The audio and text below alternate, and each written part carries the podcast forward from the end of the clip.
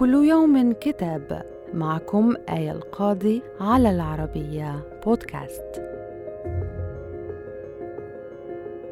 كتابنا اليوم بعنوان العلاقات العربية الروسية رؤى استراتيجية وتحليلية حول الدور الروسي في المنطقة العربية من تقديم الدكتور مصطفى الفقي مدير مكتبة الإسكندرية ومن تحرير الدكتور محمود عزت يدور الكتاب حول إعادة صياغة روسيا سياستها الخارجية تجاه المنطقة العربية بما يتناسب مع أولوياتها من جهة ومع المصالح العربية من جهة أخرى.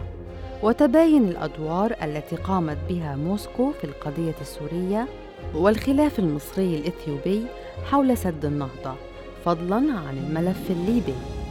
تناول الباحثون المشاركون في الكتاب محاور مختلفة كالدور الجيوسياسي لروسيا في الشرق الأوسط والطموحات الروسية تجاه المنطقة العربية الإفريقية والاستراتيجية الروسية تجاه المنطقة المغاربية واقتصاديات النفط والغاز في الاستراتيجية الروسية بليبيا وكذلك السعي لاستئناف الهيمنة الروسية على المنطقة العربية في ظل تعاظم النفوذ الإيراني.